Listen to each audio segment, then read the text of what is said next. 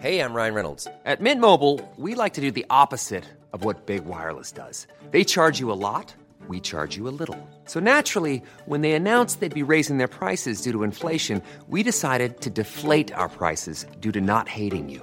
That's right. We're cutting the price of Mint Unlimited from $30 a month to just $15 a month. Give it a try at mintmobile.com slash switch. $45 upfront for three months plus taxes and fees. Promo rate for new customers for limited time. Unlimited more than 40 gigabytes per month. Slows. Full terms at mintmobile.com.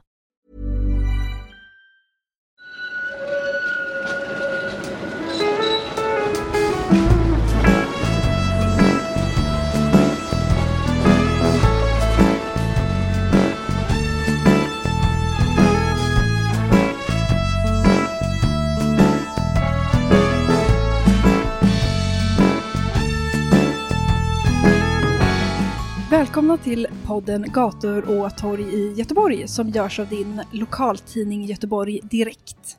Jag heter Lovisa Hansson och jag är reporter på tidningen. Med mig har jag som alltid Mattias Axelsson, vår Göteborgskännare, historielärare och krönikör på vår tidning. Hur är det med dig idag?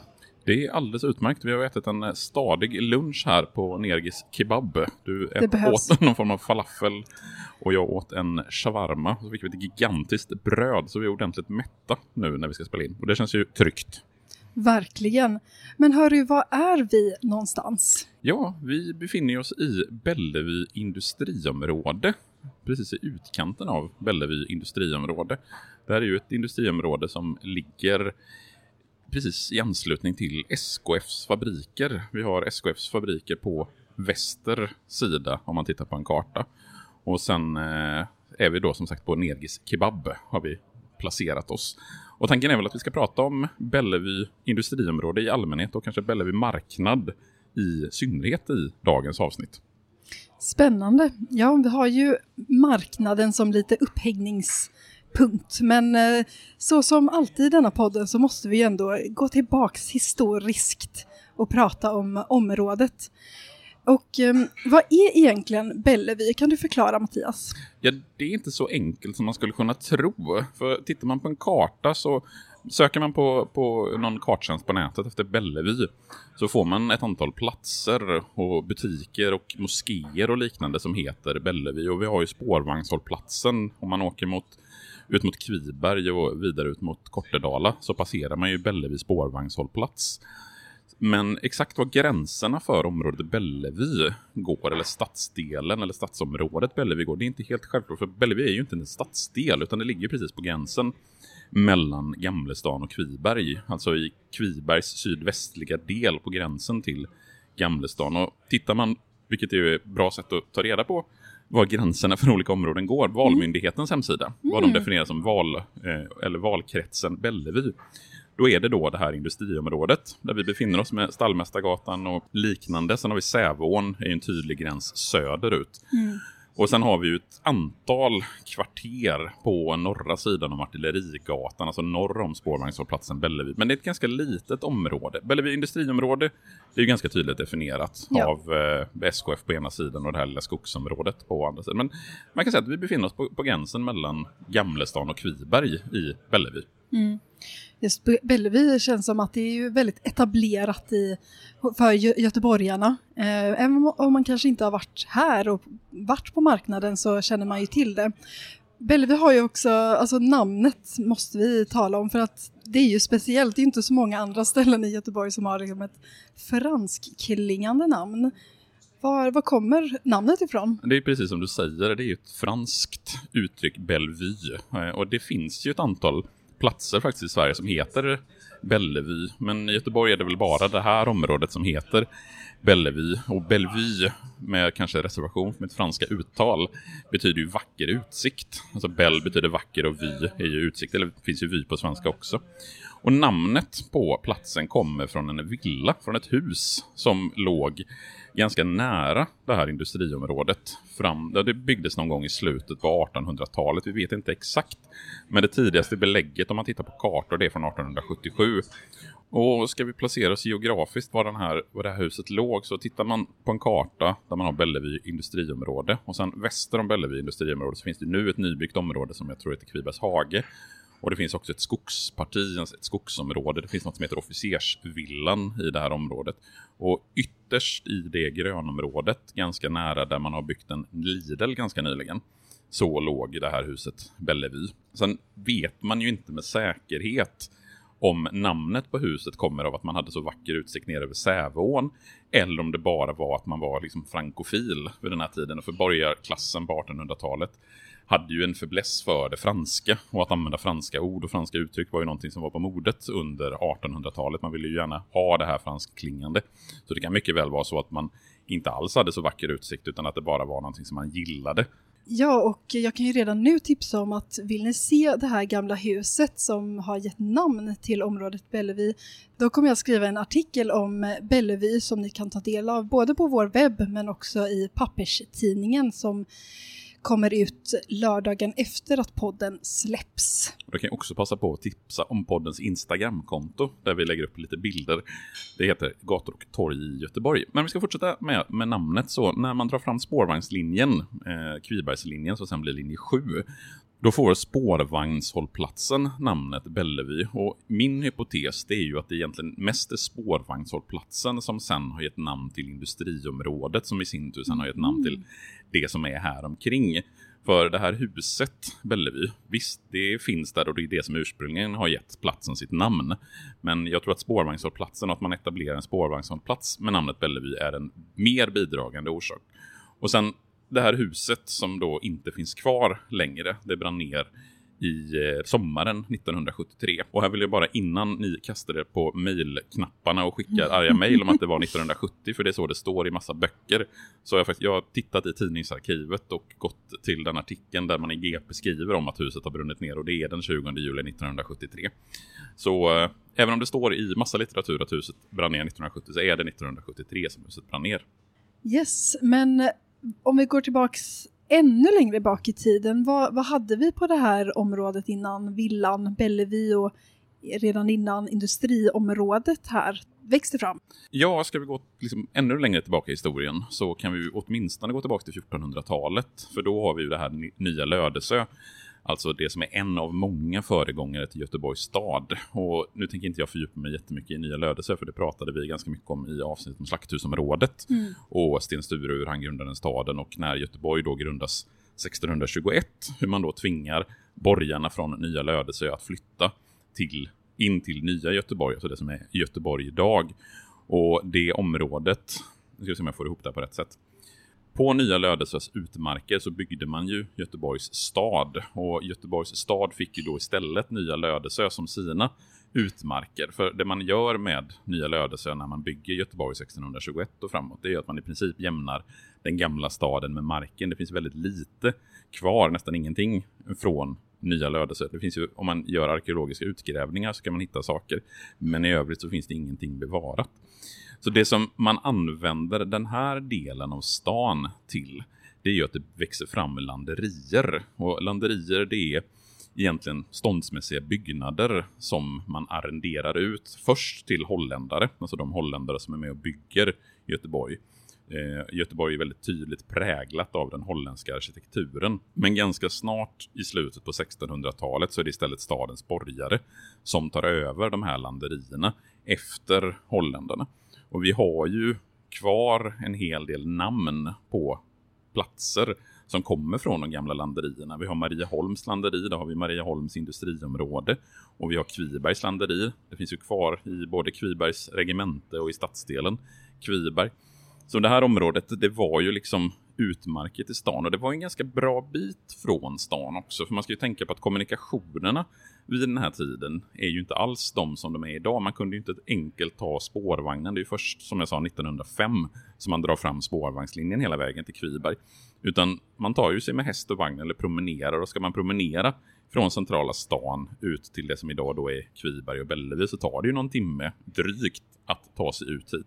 Men det var ju förmodligen ganska natursköna omgivningar och för stadens borgare så passade att ha de här villorna att eh, dra sig tillbaka. Lite som när vi pratade om Särö förra, för två veckor sedan och Säröbanan, hur stadens borgare tog sig ut dit. Men sen i slutet på 1800-talet så ska ju Kvibergs regemente öppnas. Och Göta artilleriregemente flyttar hit. Ifrån centrala Göteborg så flyttar man ju ut sin verksamhet hit. Och de flesta av de här landeribyggnaderna som har funnits här då sedan 1600-1700-talet, de eh, löser stan in och så blir det bostäder åt officerare och andra anställda. Och den sista landeriägaren och den som troligen är den som bygger huset Bellevue som då har fått ge namn åt platsen. Det är Johan Jakob Ekman som är en göteborgsk riksdagsman bland annat och en politiker här i, i stan. Så de här landeri landerierna, de blir ju delar av kasernen åt, eh, åt Göta artilleriregemente. För det är ju inte ovanligt att man här i slutet på 1800 på 1900-talet flyttar ut en hel del av verksamheterna till man flyttar till exempel Göta vattenverk eh, till bara ett stenkast härifrån och vi har regementet som flyttar ut hit. Så där har vi liksom 1800, 1700-1800-talets användning av området. Och parallellt så växer väl någon form av industriområde fram här. Eh, när och var och hur? Ja, alltså vi har ju den här industrialiseringen som är en av de absolut viktigaste processerna i svensk historia. Det vill säga när vi går från att vara ett jordbrukssamhälle till att bli ett industrisamhälle. Och det skeendet brukar vi ju i Sverige lägga till någonstans andra halvan av 1800-talet. Men redan ett eh, sekel dessförinnan, alltså under första halvan av 1700-talet, så startas ett sockerbruk här ute i, eh, i Gamlestan. Och det är mm. bröderna Nils och Jakob Salgren som är en av många förmögna göteborgare som startade det här sockerbruket på Ånes landeri, landeris marker. Och det här sockerbruket är ju en av de första någonstans proto eller förindustriella byggnaderna eller verksamheterna som vi har i Sverige och i Göteborg. Sen så läggs det här sockerbruket ner i början på 1800-talet men istället så etableras det ett spinneri. För just eh, textilindustrin är ju en viktig del i industrialiseringen, framförallt när industrialiseringen drar igång i Storbritannien och England på 1700-talet. Men även i vissa delar av Sverige så blir ju textilindustrin en viktig del i det hela. Eh, och de här spinnerierna, det är det som sen utvecklas till Gamlestans fabriker. Spinneri kanske man inte vet nu för tiden riktigt vad det är, men det var ju den här processen att ta ullen, råvaran och på ett liksom industriellt storskaligt sätt spinna det till ulltråd. Ja, men det, det förutsatte ju att man kunde skapa en, en textilindustri på ett storskaligt sätt. Mm. Och, ja, precis. Och det som sen då blir Gamlestans fabriker har ju en jättestor betydelse för den fortsatta industriella utvecklingen i Göteborg. För på Gamlestans fabriker så jobbar ju Sven Winqvist. Och det han gör som liksom revolutionerar den svenska industrin, det är ju att han utvecklar det självreglerande sfäriska kullagret. För på Gamlestans fabriker som är då byggda på den göteborgska leran så är problemet att de här maskinerna som man har på Gamlestans fabriker de sätter sig gärna. Det vill säga att det blir stopp i maskinerna. Och det har en del med, nu är inte jag jätteduktig på det här med kullager och, och exakt hur det fungerar. Men det Sven Winqvist uppfinner, det självreglerande sfäriska kullagret, det revolutionerar verkligen hur industriproduktionen ser ut och hur den fungerar. Och utifrån Gamlestans fabriker så startas 1907 SKF, eller Svensk kullagerfabrik. Och det här blir ju ganska snabbt ett av de absolut största företagen i Göteborg. SKF har en jättestor betydelse för utvecklingen av industrin i Göteborg. Och då är det här i Gamlestan, alltså bara ett, ja vi kan nästan om vi tittar ut genom fönstret se SKFs fabriker, för de ligger ju mm. fortfarande här i det här området visst är det så att eh, SKFs eh, arbetare var de som startade just den, den första hyresgästföreningen i Göteborg, eller hela Sverige till och med? Ja, det divideras ju lite grann om när den första hyresgästföreningen startar, men en av de absolut första hyresgästföreningarna i Sverige, det är ju SKF-arbetare som mm. organiserar och startar den 1917. Och jag vet att Hyresgästföreningen Norra Göteborg, som är, är arvtagare till den här eh, Hyresgästföreningen kopplat till SKF-arbetarna. De firade 100-årsjubileum 2017 som liksom den första, första hyresgästföreningen som bildades. Och det är ju revolutionsåret 1917. Det är ju ryska revolutionerna, vi har brödkravallerna i Göteborg, hungerkravallerna i Göteborg och på massa andra platser eh, runt om i Sverige. Och anledningen till att SKF-arbetarna organiserar den här första hyresgästföreningen, det är för att men de bor i hus som är tillhandahålls av SKF. Och i de här husen så drivs mycket med gas. Problemet är att under kriget så är det gasransoneringar. Så det de som bor i de här husen vill, det är att man istället ska kunna elda med ved, för det blir mycket billigare. Ska man använda gasen så blir det väldigt mycket dyrare och det blir då en kostnad som läggs på hyran. Och för att komma till rätta med den här problematiken så organiserar sig då de boende i de här fastigheterna i den första hyresgästföreningen som sen blir Gamlestans hyresgästförening tre år senare. Och sen under de kommande årtiondena, 20, 30 och 40-talet, så bildas det fler och fler hyresgästföreningar runt om i Göteborg. Man bildar även en centralorganisation för hyresgästföreningarna här i Göteborg. Man driver ganska hård kamp för människors rätt att bo. Man har blockader och bojkotter, man gör hyresstrejker och vi har ju till exempel den stora konflikten kring Olskroken som jag tror är 1936 någonting på mitten på 1930-talet som är en sån här legendarisk strid i den svenska hyresgästföreningsrörelsens historia. Men allting inom hyresgästföreningen går någonstans tillbaka till det här området, till SKF-arbetarna som organiserade sig för rätten till en bättre bostad. Organiserade de sig även fackligt kan man tänka? Ja, det är ju också intressant att SKF har ju också en väldigt aktiv och eh, drivande fackklubb. Eh, man är ju en del av Metall mm. och vi har ju ett antal kända profiler i SKF, fack, SKFs fackklubb. Bland annat Göteborgs starke man under 90 och 00-talet, Göran Johansson. Han är ju gammal SKF-arbetare och var ordförande för SKFs fackklubb. Och jag tror även att det var så att hans föräldrar jobbade på SKF och att han, liksom, att han kommer härifrån. Så det finns en väldigt stark tradition av organisering både inom hyresrättsrörelsen och inom fackföreningen kopplat till fabrikerna på SKF. Mm. Och i och med, eh, i takt med att SKF expanderade och blev så här pass viktig för den svenska industrin, då krävdes, kan jag tänka, eh, arbetskraft. Och vars, var fick man det ifrån? Ja, det som händer i Sverige, alltså SKF går ju som tåget under, alltså man har en liten dipp där på 20-talet, alltså efter första världskriget. Och sen i och med andra världskriget och att man exporterar eh, en hel del krigsmateriel, bland annat till Tyskland. Och det är någonting som man kanske inte pratar så högt om idag. Men framförallt sen efter andra världskriget, under det som vi kallar för efterkrigstiden, eller de svenska rekordåren. För då har vi den här väldigt unika situationen att svenska fabriker är intakta. Vi, in, vi, har inte varit ockuperade, vi har inte varit inblandade i kriget. Samtidigt så har vi ett Europa som måste byggas upp från grunden mer eller mindre. De tyska fabrikerna är sönderbombade, i Frankrike är situationen liknande. Storbritannien behöver köpa. Och det som vi exporterar i Sverige, det är sånt som de andra europeiska länderna vill köpa. Så den svenska industrin går ju verkligen på högvarv under slutet på 40, 50 och 60-talet. Alltså det som vi kallar för de svenska rekordåren. Och då har vi ju precis den situationen att de svenska fabrikerna skriker efter arbetskraft. Det är inte så att de svenska arbetarna är dåliga på något sätt, men de räcker inte till. Det finns ett sånt enormt arbetskraftsunderskott i Sverige. Så först så har vi en del krigsflyktingar, bland annat från Finland som kommer till Sverige och arbetar även från Estland. Och det finns ju en intressant koppling just till Bellevue industriområde. Försöker man sig ner till den syd östra delen av Bellevue industriområde så ligger det precis längs med Säveån så ligger någonting som heter Estonia, eller den estniska båtföreningen, eller estniska båtvarvet. Och går man ner, jag vet inte om det är tillgängligt att komma ner för att titta eller om det är låst, men eh, man kan åtminstone titta på Google Maps så kan man se lite snygga båtar, eller mysiga båtar som ligger där längs med Sävån. Och det är då gamla estniska fabriksarbetare som jobbade på SKF.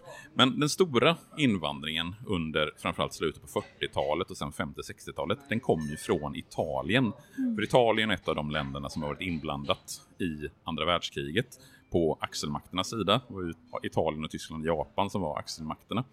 Och arbetslösheten i Italien under efterkrigstiden är rekordhög. Samtidigt så är man relativt välutbildade. Det finns människor i Italien som kan jobba på Svenska kullagerfabriken.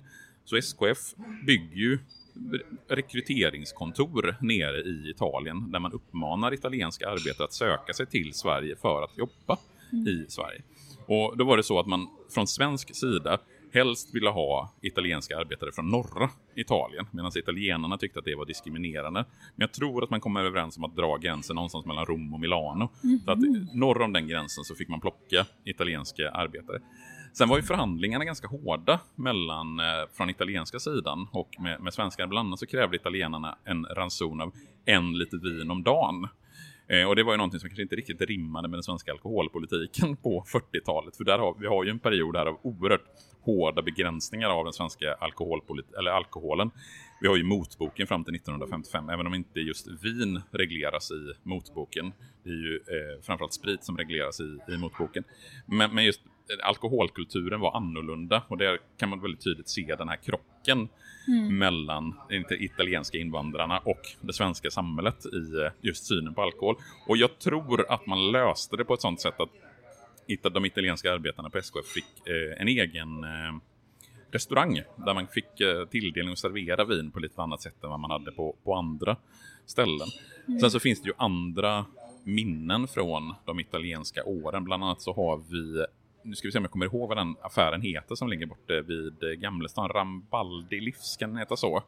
Något liknande, Nå någonting sånt. Jag tar, jag tar, inte gift på namnet där, jag kan eh, blanda ihop bokstäverna. Men det är en italiensk eller italiensk, en italienare kopplad till SKF som startade den butiken någonstans på 1950-talet.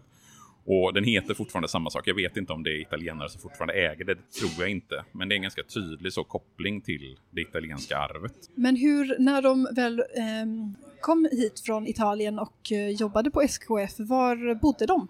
Ja, till en början så var det ju baracker som eh, låg någonstans i närheten av Kvibergska kärnan. Jag tror att det är något fotboll, någon fotbollsplan eller liknande där nu, där barackerna stod. Mm, jag tror det stämmer. Eh, och och sen om det är på 50-talet eller på 60-talet, jag är inte exakt säker på årtalen där, så börjar man erbjuda lägenheter i det som de nybyggda områdena längre mot Kviberg. Så då är det ju en hel del som flyttar dit, till de områdena.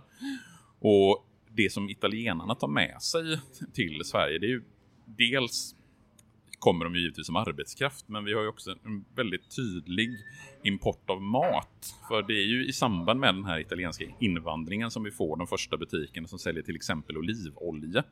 Och nu tror inte jag att det, det, brukar ju åtminstone sägas att det är italienska arbetet på ASEA i Västerås som tar hit den första pizzan till Sverige. Men jag kan mycket väl tänka mig att även de italienska arbetarna här på SKF hade servering av pizza eh, i samband, alltså redan på slutet på 40-talet när de kommer dit. För de hade ju, tog ju med sig sin egen mat och de hade ju sina egna restauranger kopplat till SKF där de till exempel ville ha bröd till alla måltider. Kanske inte så här stora bröd som vi fick äta på, den här, eh, på det här kebabhaket som vi sitter på idag. Men, men, men de, det var ju liksom så att man ville ha med sig vissa tydliga delar av den egna kulturen och där är ju maten väldigt viktig och där ser vi ju det är, inget, det, är inget, det är inget konstigt att vi sitter på en, eh, ett kebabhak i Bellevue industriområde idag. För Nej. tittar man ner och går, går i Bellevue industriområde, vi ska ju alldeles strax komma dit, som vi egentligen skulle prata om det här, det här avsnittet, så ser man här finns det ju väldigt mycket, alltså till exempel falafelställen och falafelvagnar och liknande. Mm. Så maten har ju en betydelse för att man ska liksom,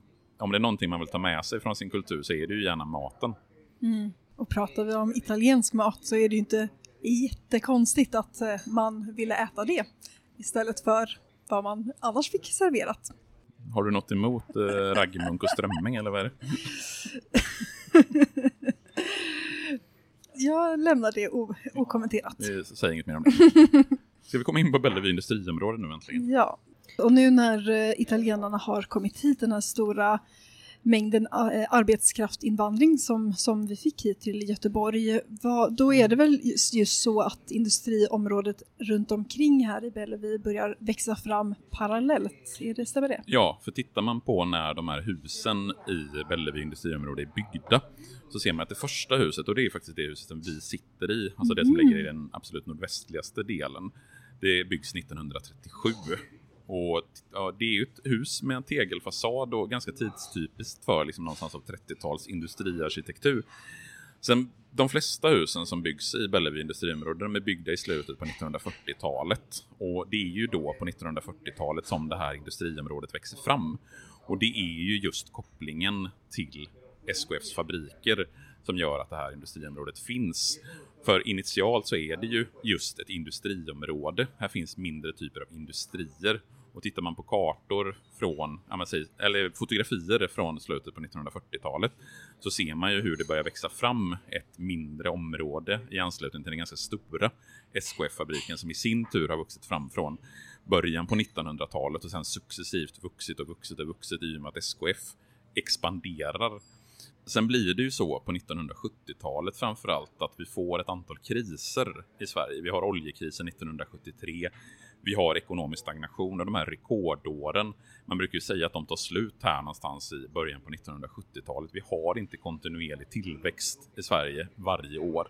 Vi har till och med så att det börjar bli lite grann av arbetslöshet. För arbetslösheten under 50 och 60-talet har ju i princip varit icke-existerande. Ville du ha ett jobb på 50-talet så fick du det.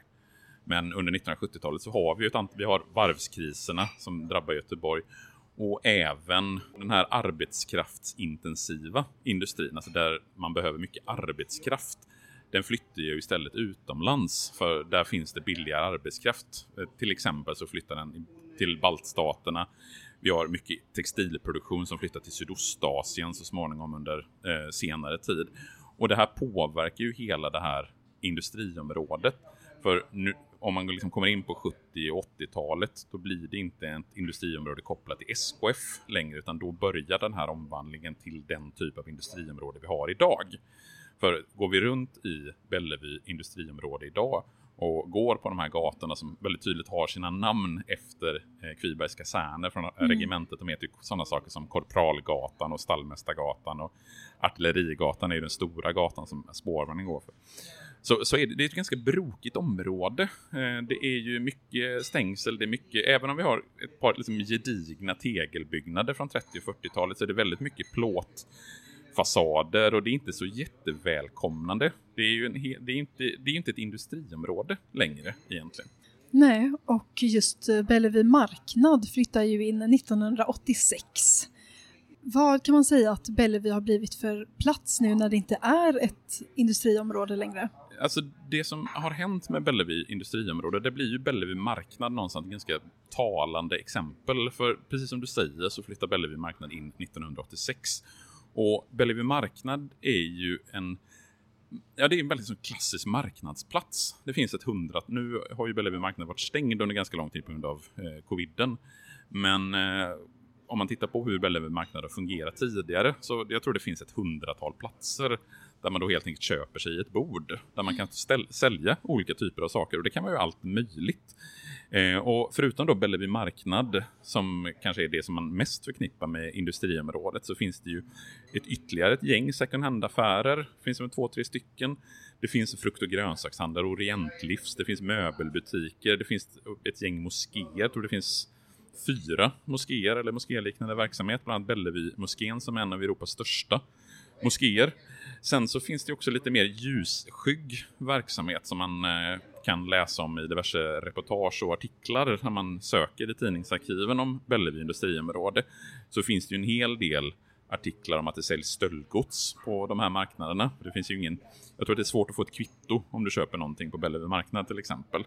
Eh, och det har funnits rapporter om att spritbussar har haft eh, försäljning, olaglig försäljning av sprit och, och, och liknande. Men, men, men i övrigt så, det som är typiskt för just det här industriområdet, det är ju att hyrorna är förhållandevis låga. Och det gör ju att verksamheter som kanske inte får plats någon annanstans kan söka sig hit. Och numera, till skillnad från hur det var på 40 och 50 60-talet när det här området växer fram, så skulle jag nog säga, du får säga emot mig om du inte håller med, men jag tycker att alltså Bellevue är ju ändå relativt centralt idag. Visst, man kan säga att det är liksom ytterkanten av centrum, men särskilt om man tänker på hur Gamlestan och Kviberg, hur, liksom, hur staden tänker och planerar för det här området. Vi när vi åkte bil hit så såg vi ett par områden som är liksom mm. nybyggda. Jag har inte ens flyttat in folk och vi har Kvibergs hage på, på andra sidan. Mm. Och man vill ju verkligen förtäta det här området och göra det en, liksom, man ska tänka att Gamlestan och Kviberg är en del av centrala Göteborg. Mm. Och då blir ju Bellevue industriområdet lite grann av en udda fågel med den här typen av verksamheter. Och alltså, det är lite klyschigt kanske att säga, men det känns ju som att man kommer utomlands när man går. Inte bara för att det är orientlivs och moskéer och liknande, utan också för att den här typen av oreglerad lite grann verksamhet och att ja, men nere mot den delen där Estniska båtföreningen, alltså i sydöstra, jag vet inte om jag sa sydvästra eller sydöstra hörnet, men det sydöstra hörnet av Bellevue industriområde som Estniska båtföreningen ligger. Där ser det ju nästan ut som en liten kåkstad, för där är det liksom verkligen plåtskjul och liknande som, som är på taken och det är så mm. mycket små verksamheter.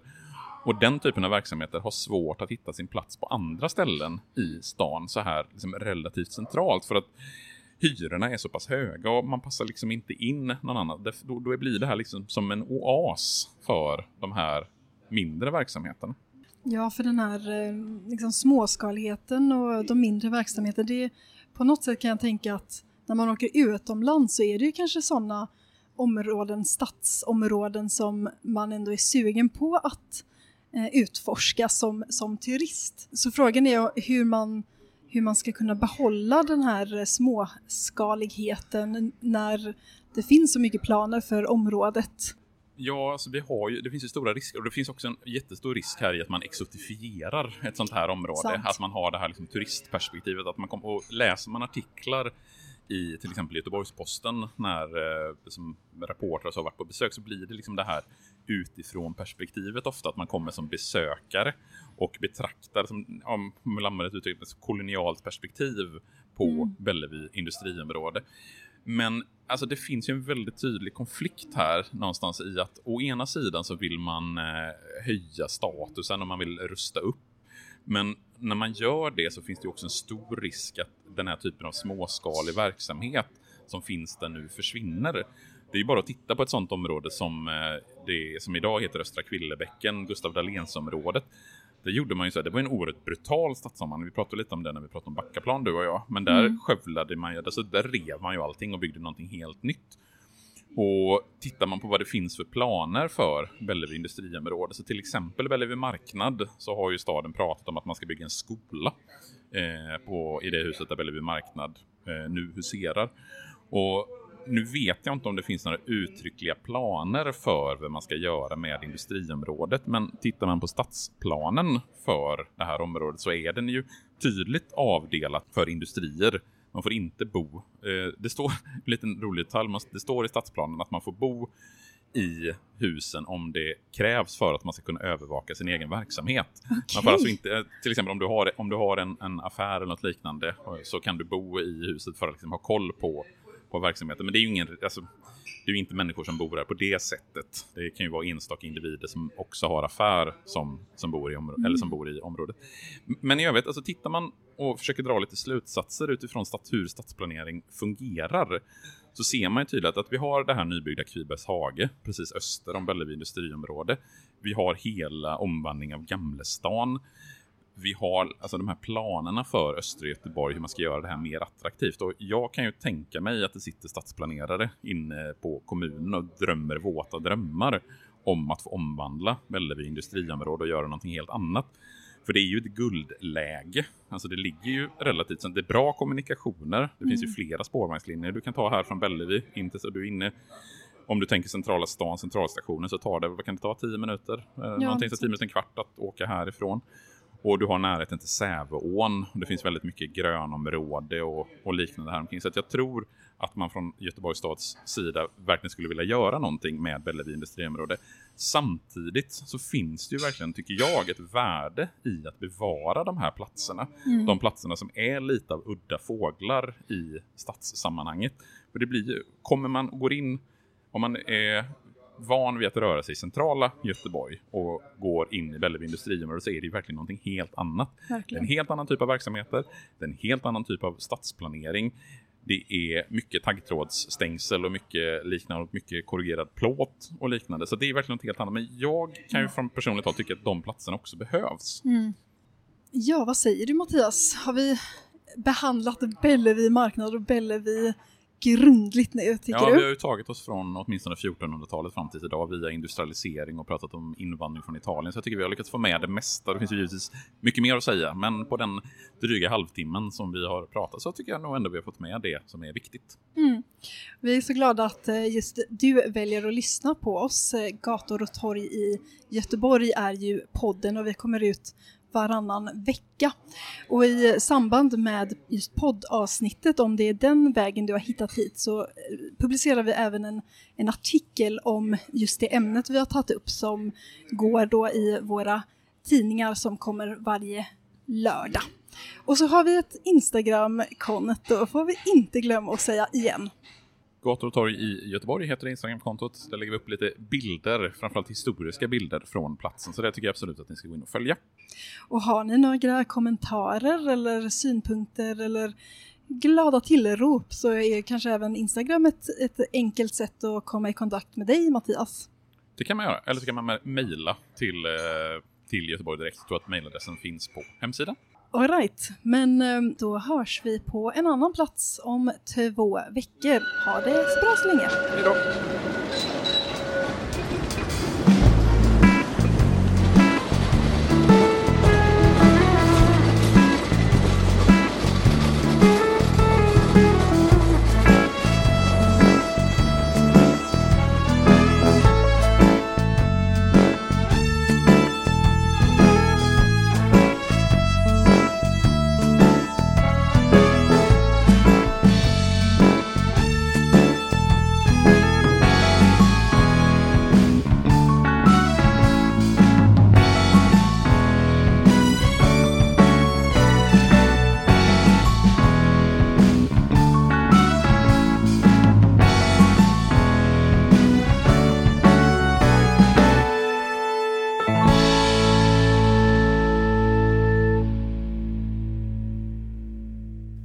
Gator och torg i Göteborg produceras av Reostat Media AB.